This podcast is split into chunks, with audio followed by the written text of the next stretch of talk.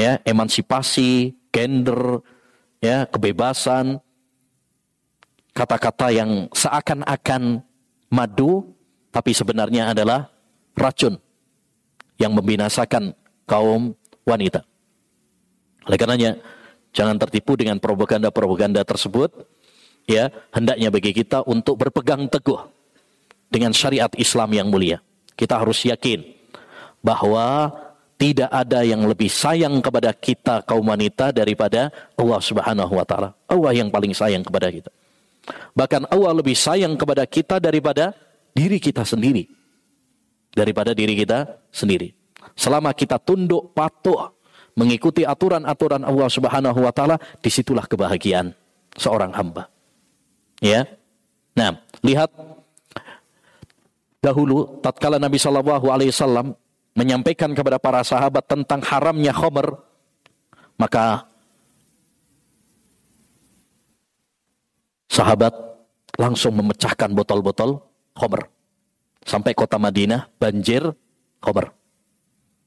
Tatkala Nabi Shallallahu Alaihi Wasallam menyampaikan kepada para wanita tentang kewajiban jilbab, Ya ayuhan Nabi kulli azwajika wa banatika wa nisa'il mu'minin yudnina alaihinna min jalabibihinna. Wahai Nabi katakan kepada istrimu, anak-anak perempuanmu, wanita-wanita yang beriman agar mereka mengenakan apa?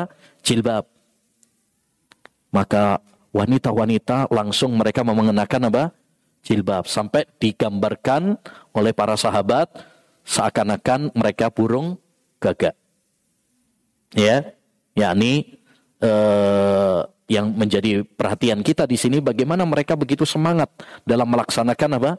Apa pun yang Allah Subhanahu wa taala perintahkan, apa pun yang Rasulullah SAW perintahkan kepada mereka. Karena mereka yakin dengan tunduk dan taat kepada perintah Allah dan Rasul, di situlah kebahagiaan seorang hamba.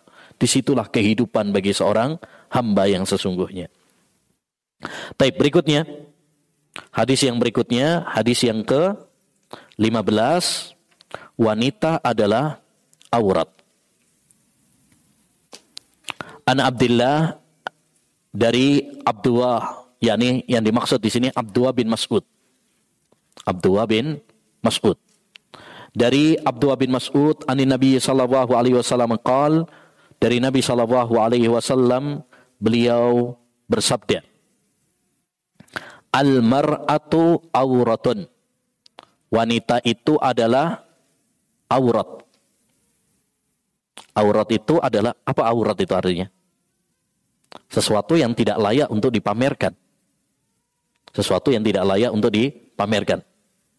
Kayak laki-laki ada auratnya ya, nggak layak untuk dipamerkan, ditampakkan.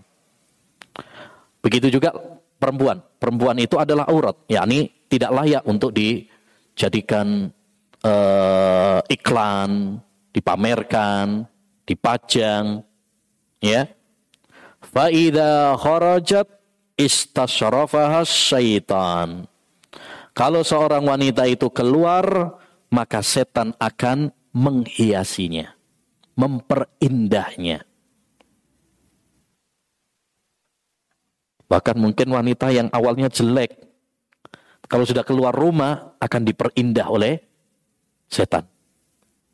Makanya jangan heran, kadang ada orang sudah punya istri cantik, ketika lihat wanita yang lain, tergoda juga.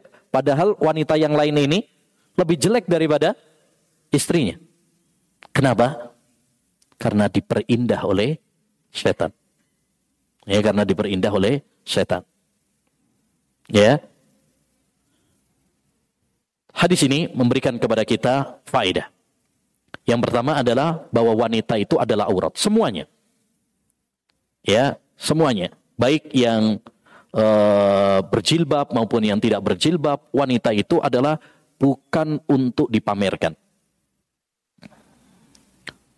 Makanya tadi sudah kita ingatkan ya, walaupun ahwat yang udah ngaji ya, udah pakai jilbab, jangan suka pamer di media sosial.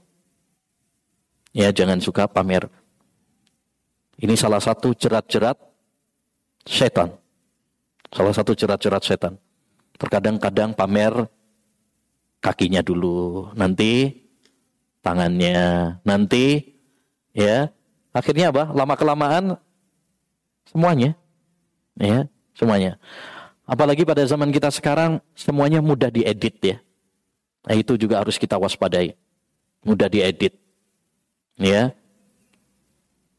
Kemudian juga itu bisa menyebabkan apa? Fitnah. Bisa menyebabkan fitnah, disimpan, bahkan mungkin dibayangkan oleh orang-orang yang uh, di dalam hatinya terdapat penyakit. Naudzubillah. Ya. Tape. Bahkan konon disebutkan itu juga bisa dijadikan sebagai alat untuk nyantet. Dari lewat apa? Dari lewat gambar, dari lewat foto, itu juga bisa. Maka hendaknya bagi kita untuk waspada. Dan di antara faedah dari hadis yang mulia ini adalah keluarnya wanita dengan tabarruj dengan apa namanya tabarruj itu bersolek lebih disukai oleh setan. Ya lebih disukai oleh setan. Oleh karenanya para ahwat hendaknya bagi kita untuk memahami hukum asal seorang wanita itu adalah menetap di rumah. Itu yang diperintahkan oleh Allah Subhanahu taala.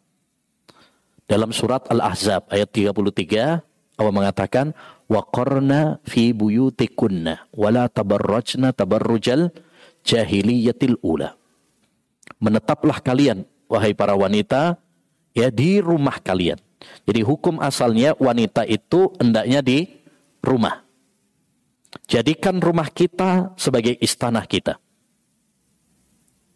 Jangan gampang-gampang keluar. Kecuali memang kalau ada kebutuhan.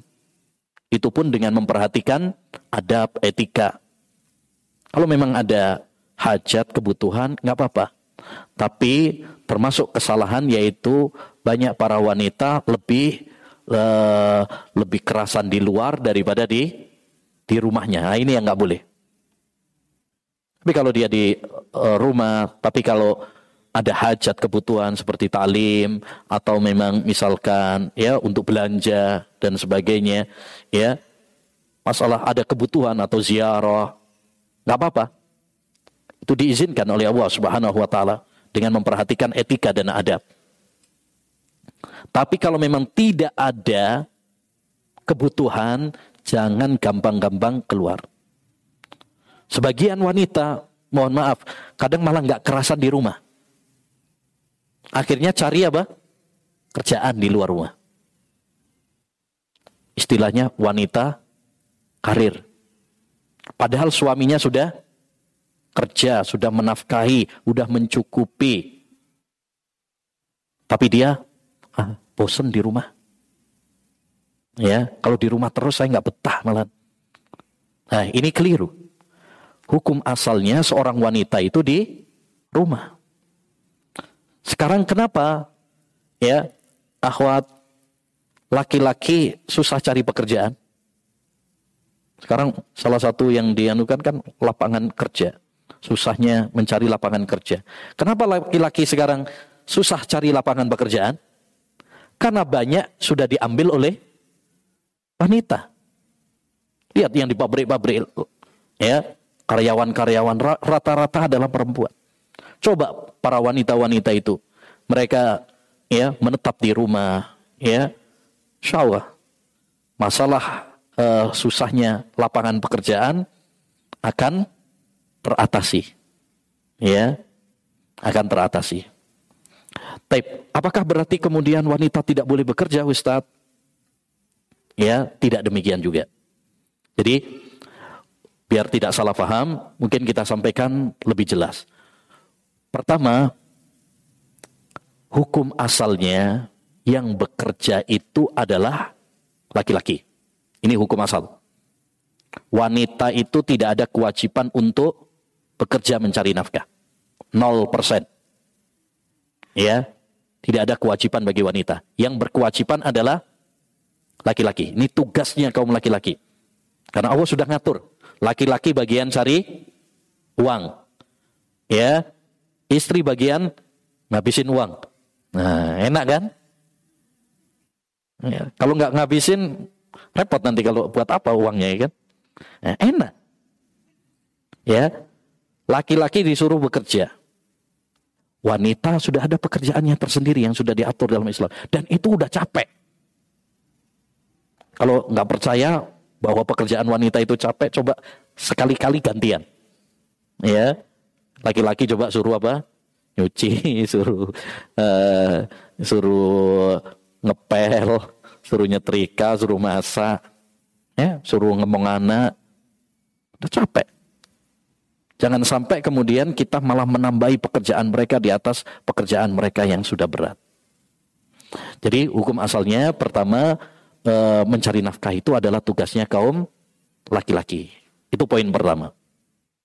Poin yang kedua, kalaupun memang wanita harus bekerja untuk mencari nafkah, maka usahakan terlebih dahulu untuk tidak keluar rumah. Pekerjaan-pekerjaan yang bisa dihandle di dalam rumah. Sekarang bisa kok banyak ya jahit mungkin atau apa namanya buka toko online ya kan bikin jajan yang penting maksudnya tidak apa keluar rumah sehingga tugas-tugas dia di dalam rumah tetap terpenuhi. Ya, lebih nyantai juga, jadi fleksibel. Usahakan seperti itu. Karena kadang-kadang mungkin walaupun memang itu bukan tugas wanita, tapi kadang-kadang memang ada kebutuhan. Mungkin nafkah dari uh, is, uh, suami tidak mencukupi kebutuhan. Apalagi kalau misalkan suaminya sakit misalkan atau uh, misalkan nggak punya suami mungkin dia dicerai atau ditinggal mati oleh ya uh, suaminya sehingga mau nggak mau harus bekerja. Maka utamakan cari pekerjaan di yang bisa dikerjakan di dalam rumah terlebih dahulu. Karena fakta membuktikan bahwa perempuan kalau sudah kerja di luar rumah ini banyak apa? Dampak buruknya. Banyak dampak buruknya. Ya. Yang ketiga, kalaupun memang pekerjaannya mengharuskan di luar rumah, maka harus diperhatikan aturan-aturan syariat. Seperti misalkan tadi, tidak boleh pekerjaan tersebut pekerjaan yang uh, kholwat, berdua-duaan dengan laki-laki yang bukan mahramnya ya pekerjaan tersebut tidak sampai membuat dia misalkan lepas jilbab. Kalau ada persyaratan seperti itu nggak usah. Ya. Atau misalkan ya eh, pekerjaan tersebut sampai melalaikan tugas intinya. Tugas intinya. Gara-gara pekerjaan akhirnya suaminya, anaknya kurang terurus dan itu banyak faktor. Banyak yang terjadi seperti itu. Banyak kasus. Ya. Kemudian banyak kasus juga kalau perempuan sudah bekerja akhirnya nah udah ngerti duit ya. Ini lebih apa? Lebih berani dengan suami lebih berani dengan suami.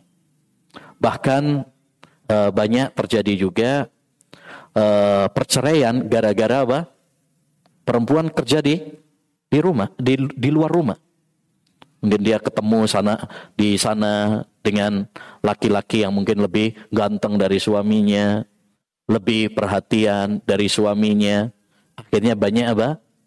Menimbulkan perselingkuhan, perceraian, ya dan lain sebagainya. Oleh karenanya uh, untuk menutup hal-hal tersebut ya tadi perhatikan yang pertama usahakan wanita nggak kerja dalam artian tidak kerja karena memang pada dasarnya bukan kewajiban wanita untuk bekerja. Yang bekerja itu adalah laki-laki. Kalaupun memang dibutuhkan harus bekerja, usahakan dulu kerjanya di di dalam rumah, nggak perlu untuk keluar rumah. Kalaupun memang harus keluar rumah, maka perhatikan aturan-aturan syariat. Ya, tetap memakai jilbab, ya, kemudian tidak campur baur dengan laki-laki, apalagi berholwat, bersepi-sepi dengan laki-laki yang bukan mahramnya atau safar tanpa mahram, ya, atau juga eh, jangan sampai melalaikan dari kewajiban intinya sebagai ibu rumah tangga. Nah, itu Eh, hal-hal seperti itu perlu diperhatikan oleh para wanita ya terutama zaman sekarang zaman yang penuh dengan apa? Fitnah. Ya zaman yang penuh dengan fitnah hendaknya bagi kita untuk bertakwa kepada Allah Subhanahu wa taala jangan tertipu dengan gemerlapnya dunia jangan tertipu untuk mengejar karir akhirnya kemudian malah melalaikan ya prinsip-prinsip agama melalaikan kewajiban inti kita untuk ibadah kepada Allah Subhanahu wa taala. Ya, hanya karena karir, hanya karena dunia, harta, ya. Dan yang perlu kita tanamkan pada diri kita, terutama bagi para akhwat, ummahat ya, hendaknya bagi kita untuk memiliki jiwa qanaah. Memiliki qanaah. Apa qanaah itu? Merasa cukup dengan pemberian Allah Subhanahu wa taala. Karena banyak para wanita yang Eh, menerjang larangan-larangan Allah Subhanahu wa taala disebabkan tidak qanaah. Ya, merasa gaji suaminya kurang, merasa uh, kurang ini, kurang itu. Akhirnya menerjang larangan-larangan Allah Subhanahu wa taala. Baik. Demikian akhwat yang bisa kita bahas pada kesempatan yang berbarokah ini. Kita cukupkan karena ini ada pertanyaan banyak. Baik. Saat saya seorang dokter kandungan, saya selalu keluar rumah pagi, sore, dan uh, ke rumah sakit. Suami selalu saya laporkan rencana setiap hari. Setiap hari, setiap malam sering mendapat panggilan untuk operasi darurat. Bagaimana hukumnya posisi saya terutama untuk hadis yang ke-14. Ya ini, apakah dengan saya keluar untuk panggilan malam saya pergi bersama suami lebih meringankan kesalahan saya.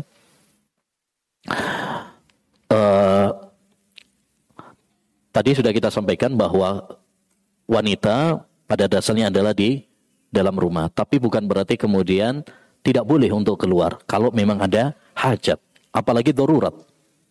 Maka boleh bagi seorang wanita untuk keluar kalau memang ada hajat kebutuhan.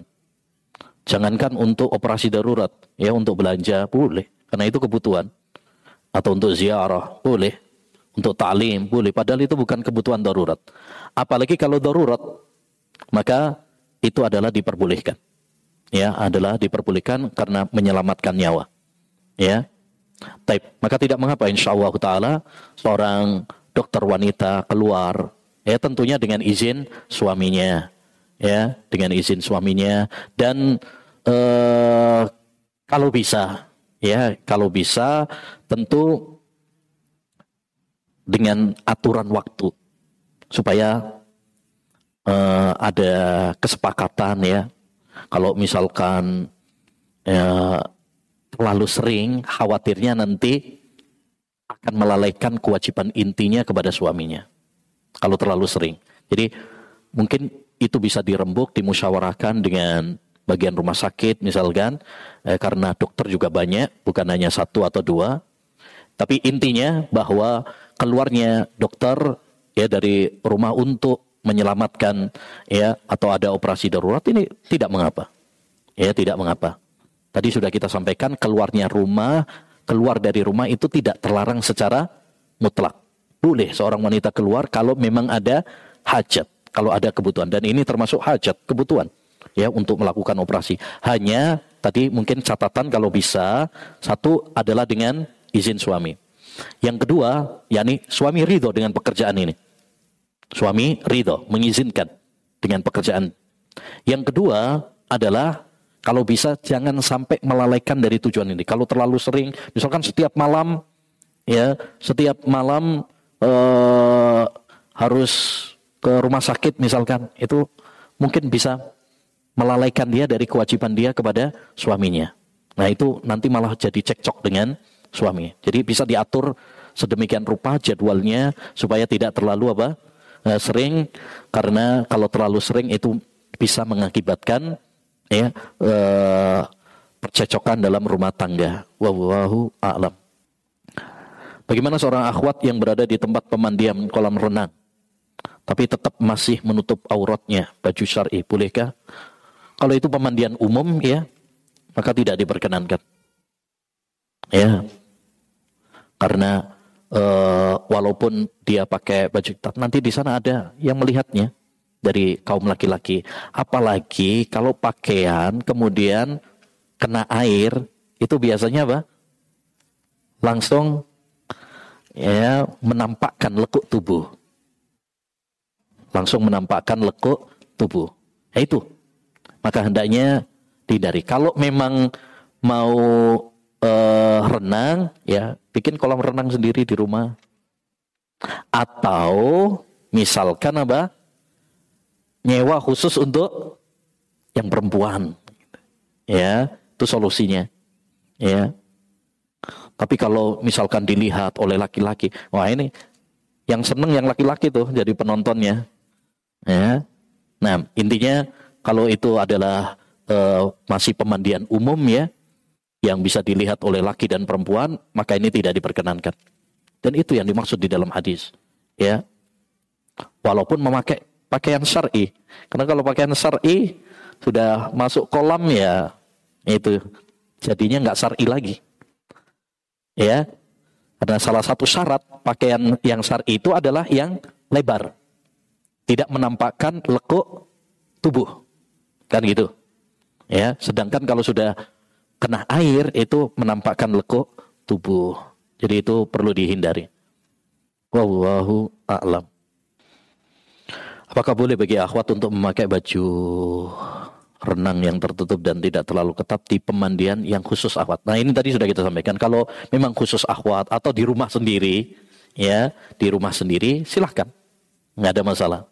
Tapi kalau itu adalah ya di pemandian umum yang dilihat oleh orang banyak, maka tidak diperkenankan. Dan batasan melepas pakaian di luar, misalkan sedang ziarah ke teman dan membuka kerudung dan tidak dan tidak meng, uh, apa ini? Tape. Tadi. Jadi uh, yang dimaksud dalam hadis tersebut adalah kalau membuka pakaian di tempat umum. Di tempat umum.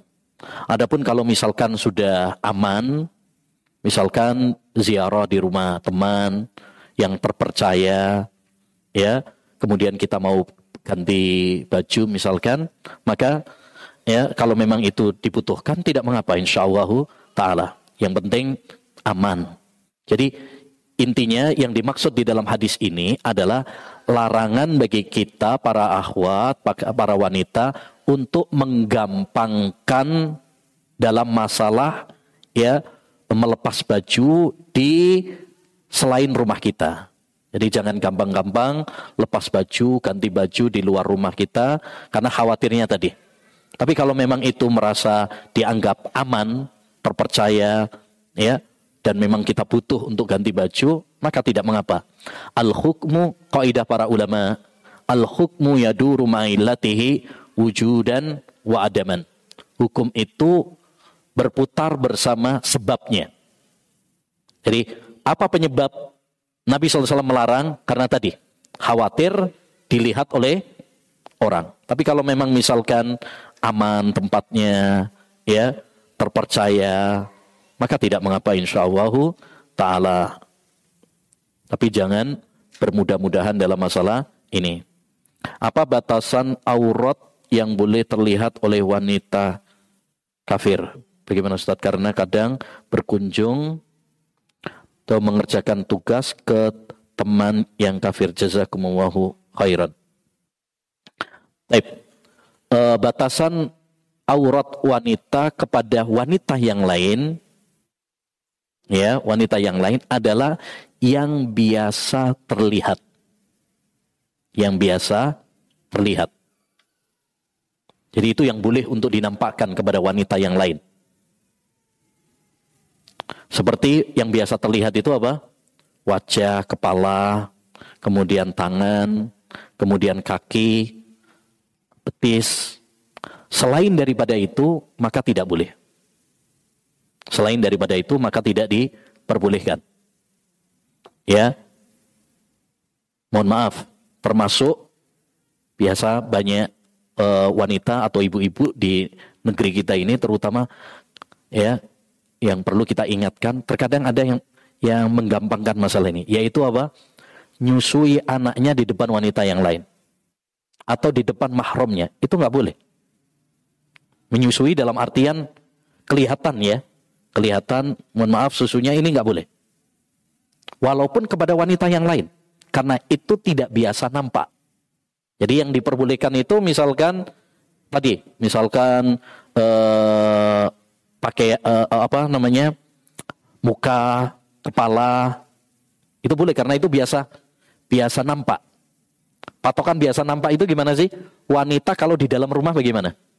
Pakai daster misalkan ya. Nah itu itu patokan yang boleh dinampakkan kepada wanita yang lain atau kepada yang mahram. Kepada yang mahram ya kepada mahram misalkan kepada bapak kita, anak kita, ya bukan suami ya. Kalau suami lebih daripada itu diperbolehkan. Tapi kalau kepada yang mahram ya maka yang biasa nampak patokannya sama kepada sesama wanita.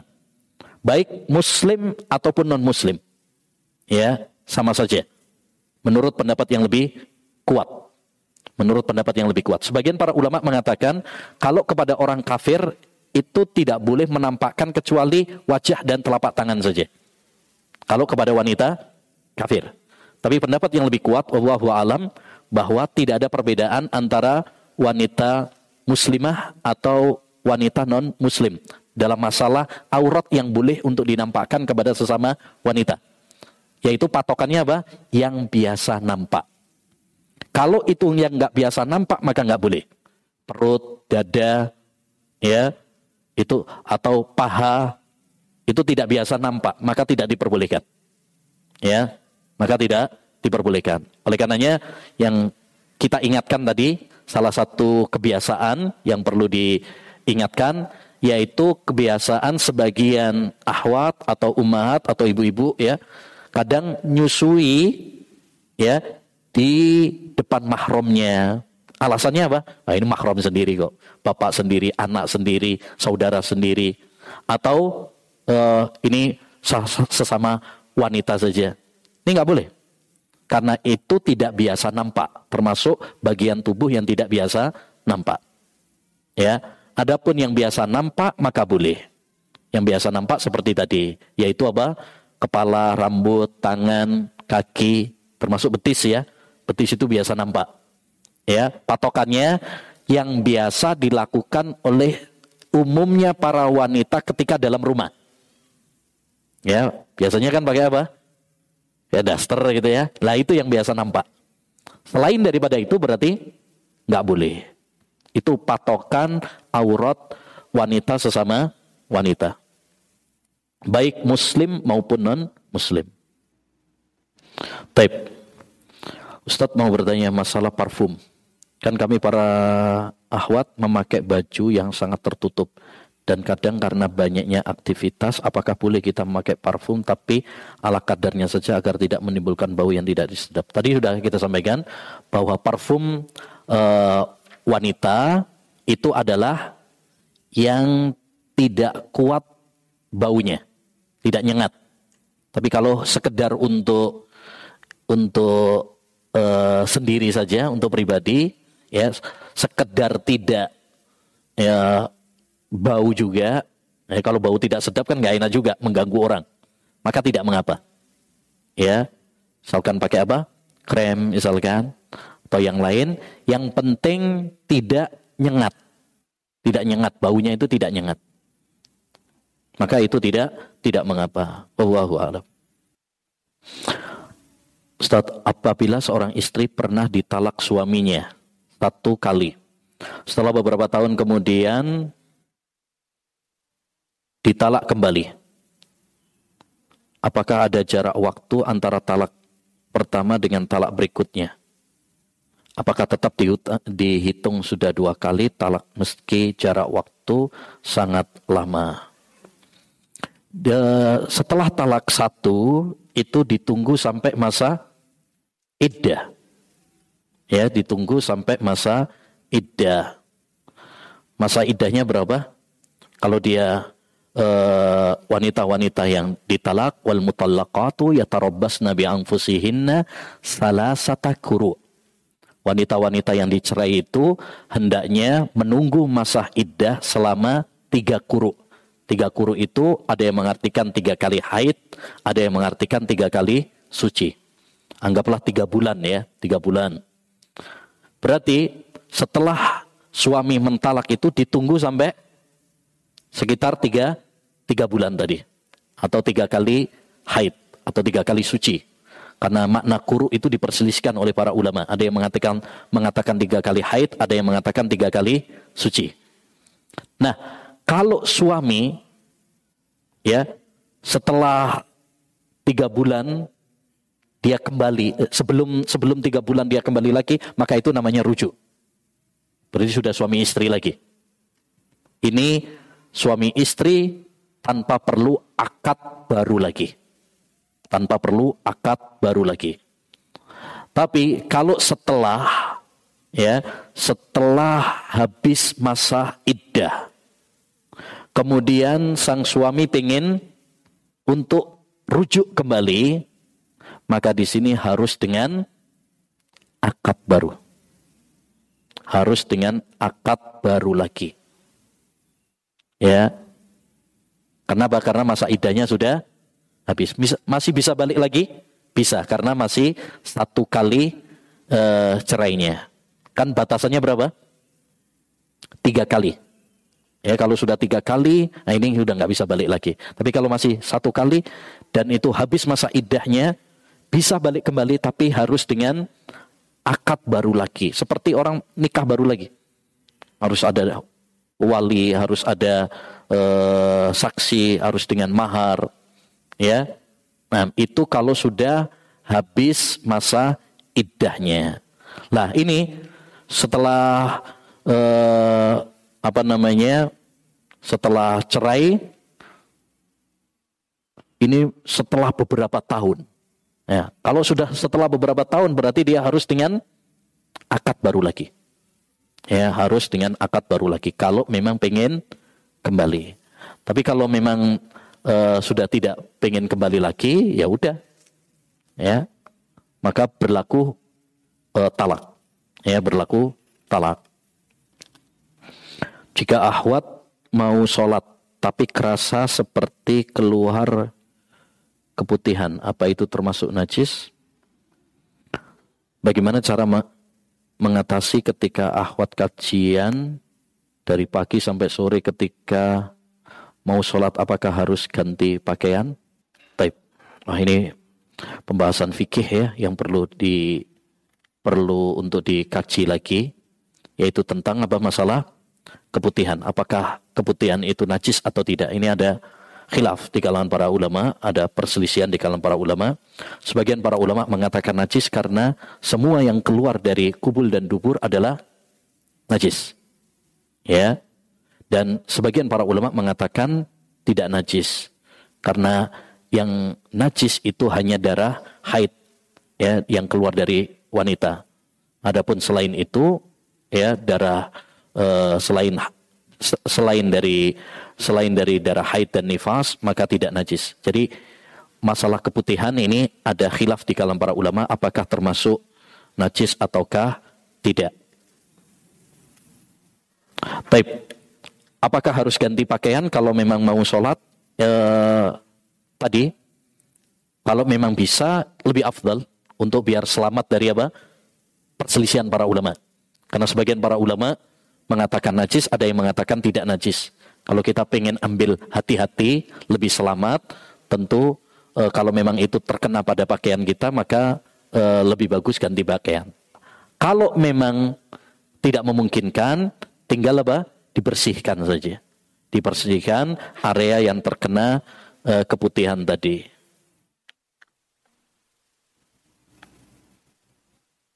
Bagaimana cara sholat akhwat yang bercadar? Apakah harus dilepas ketika berjamaah? Kalau memang uh, jauh dari pandangan kaum laki-laki, maka harus di, dilepas cadarnya. Ahwat, kalau sholat dan memang tidak ada lalu lalang laki-laki, maka hukum asalnya tidak boleh dengan bercadar. Seperti kalau misalkan sholat sendirian di rumah misalkan. Cadaran apa tidak? Enggak perlu. Bahkan enggak boleh. Enggak boleh. Hukum asalnya wanita itu sholat tidak boleh bercadar. Ya, hukum asalnya. Hanya diperbolehkan oleh sebagian para ulama, terlebih yang mewajibkan cadar, kalau memang di sana ada lalu lalang laki-laki. Ya, kadang ada lalu lalang laki-laki atau kadang ada tapir tapi tapirnya apa? Pendek, nggak terlalu uh, tinggi sehingga tetap terlihat. Nah itu sebagian para ulama mengatakan apa? Ya tetap memakai cadar supaya tidak terlihat oleh laki-laki. Ya, tapi kalau misalkan kayak seperti ini sudah tertutup, maka hukum asalnya apa? Harus di, dilepas cadarnya harus dilepas ketika sholat ya. Dan sebagai faedah juga ketika para ahwat lagi kajian seperti ini, hendaknya dibuka cadarnya supaya saling apa? Saling kenal. Itu faedah yang pertama. Faedah yang kedua untuk mencegah ya siapa tahu ada yang penyelundup. Nah, ya. Siapa tahu ada yang sadaran nggak taunya jenggotan. ya, dulu pernah terjadi itu di Malang ya. Ada ya cadaran nggak taunya ternyata laki-laki. Ternyata laki-laki. Makanya sebaiknya bagi para akhwat kalau itu di tempat yang sesama mereka sebaiknya di dilepas ya supaya saling mengenal antara satu dengan yang lain ya e, kemudian juga tadi ya untuk biar e, menutup lah menutup pintu-pintu yang tidak diinginkan. Ana izin bertanya, apakah di hadis ke-12 perempuan bajunya sampai bawah? Apakah karena dulu belum ada kaos kaki? Bagaimana dengan sekarang yang sudah ada kaos kaki? Apakah tetap harus panjang melebihi mata kaki? Tadi yang paling inti adalah menutup kaki. Yang paling penting itu adalah menutup kaki. Jadi kalau memang sudah tertutup kakinya, maka itu sudah mencukupi. Ya, zaman dulu uh, ada kaos kaki, tapi mungkin tidak sebanyak kayak sekarang ya. Ya, dulu ada. Zaman dulu sudah ada kaos kaki, uh, tapi tidak tidak terlalu familiar, ya seperti sekarang. Zaman dulu ada, buktinya bahasa Arabnya ada dalam beberapa hadis, ya namanya jawrob itu kaos kaki ya Nabi Shallallahu Alaihi Wasallam pernah pakai kaos kaki. Itu menunjukkan bahwa di zaman dulu sudah sudah ada. Hanya tidak mungkin tidak sebanyak seperti pada zaman kita sekarang. Intinya intinya maksud dari hadis tersebut adalah hendaknya bagi para wanita menutupi kaki. Karena kaki adalah termasuk aurat bisa menutupi itu dengan apa dengan kaos kaki, bisa dengan memanjangkan uh, ujung kaki, eh ujung kaki, ujung bajunya, ya dan lain sebagainya. Intinya adalah bagaimana kakinya tertutup, ya. Jadi kalau memang sudah ada kaos kakinya, ya nggak harus sampai uh, misalkan satu hasta tadi, ya harus. Yang penting sudah ter tertutup. Ya, bahkan mungkin kalau pakai kaos kaki sekarang lebih apa? Lebih lebih aman ya. Ya. Karena kalau baju itu kan kadang-kadang masih tersingkap. Ya, kadang mungkin masih tersingkap. Maka eh, dengan memakai kaos kaki insya Allah lebih apa? Lebih selamat, lebih tertutup.